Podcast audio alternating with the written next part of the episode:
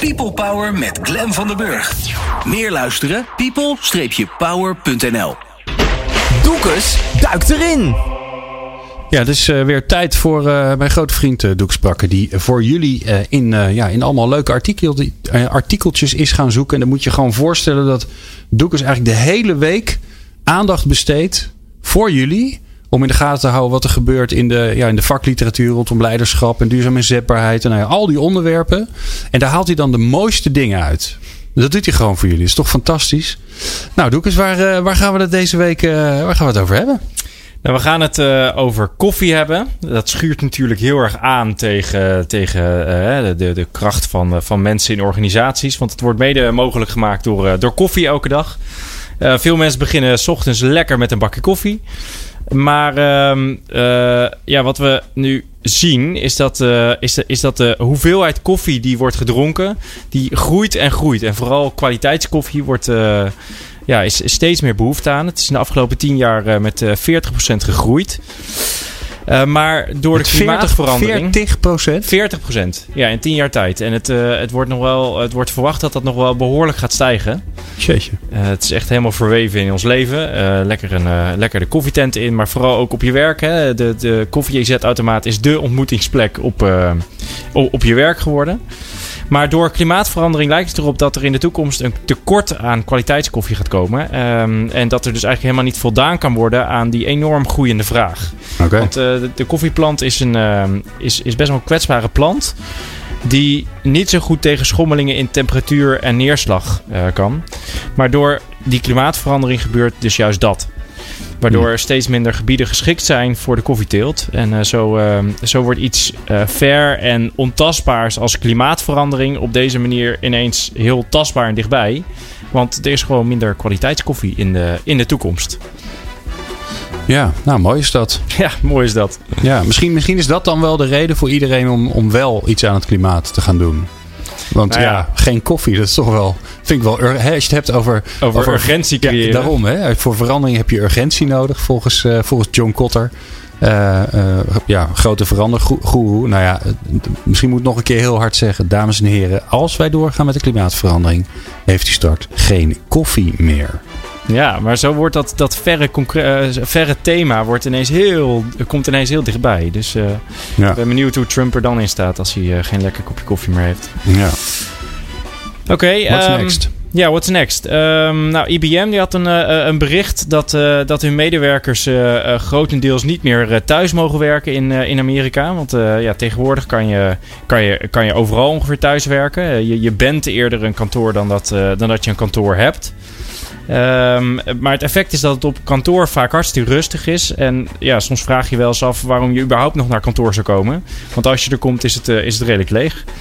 Um, nou, veel organisaties uh, met, met IBM um, voorop hebben dit, uh, hebben dit thuiswerken behoorlijk gestimuleerd.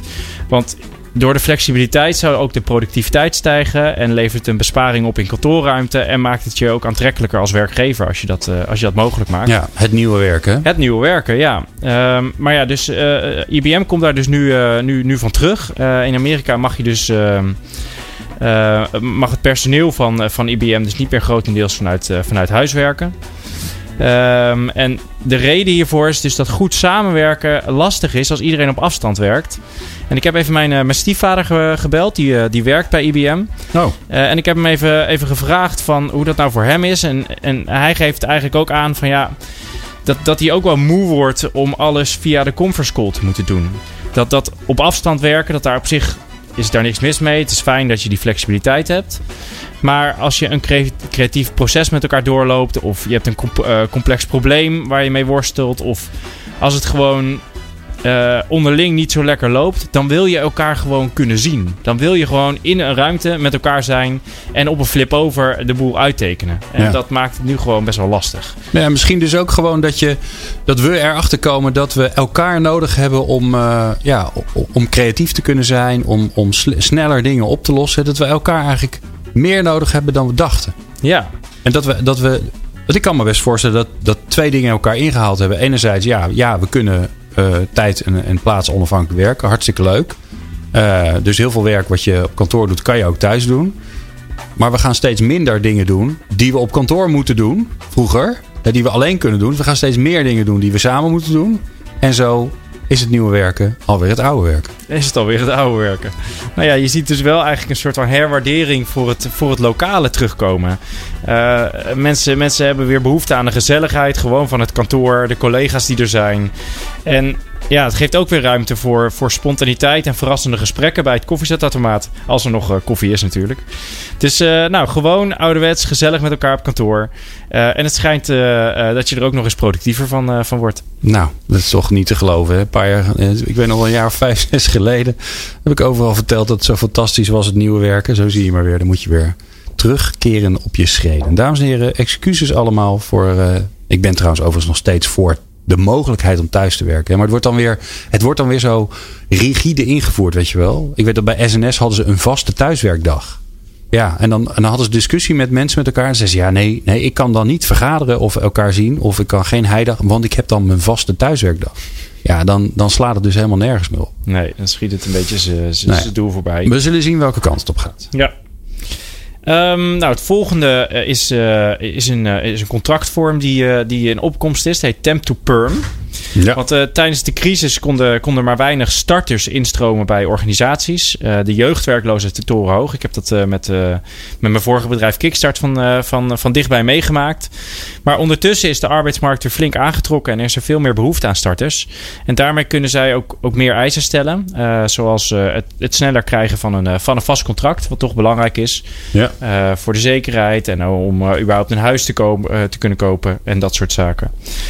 Maar uh, voor veel organisaties is het nog te risicovol om direct een, uh, een vast contract aan te bieden. Uh, en daarom is de contractvorm temp to perm, wat staat voor van tijdelijk naar vast, steeds populairder aan het worden. Dat blijkt uit een salary survey 2017 van arbeidsbemiddelaar Walter People. Temp to perm uh, wil zeggen dat nieuwe werknemers eerst een half jaar via een uitzendbureau werken, om daarna direct een vast contract aangeboden te krijgen. En het voordeel voor, uh, voor werkgevers is dat ze op die manier uh, veiliger en flexibeler mensen kunnen aannemen. Want ja, normaaliter moet je dus na een sollicitatiegesprek beslissen of je met elkaar in zee gaat en uh, iemand een vast contract gaat geven. Want ja, anders zijn ze ook weer weg. Um, en via deze constructie kan je een half jaar uitproberen voordat je je langer aan elkaar verbindt. Dus uh, ja, kandidaten die willen natuurlijk het liefst direct een vast contract. Maar vinden zo'n tussenstap ook uh, goed te begrijpen en helemaal prima. Ja. Dus ja, goed nieuws voor starters en, uh, en ook voor uit, uitzendorganisaties. Nou, mooi. God jeetje, doe eens drie hele mooie dingen gewoon. We hebben slecht nieuws over de koffie.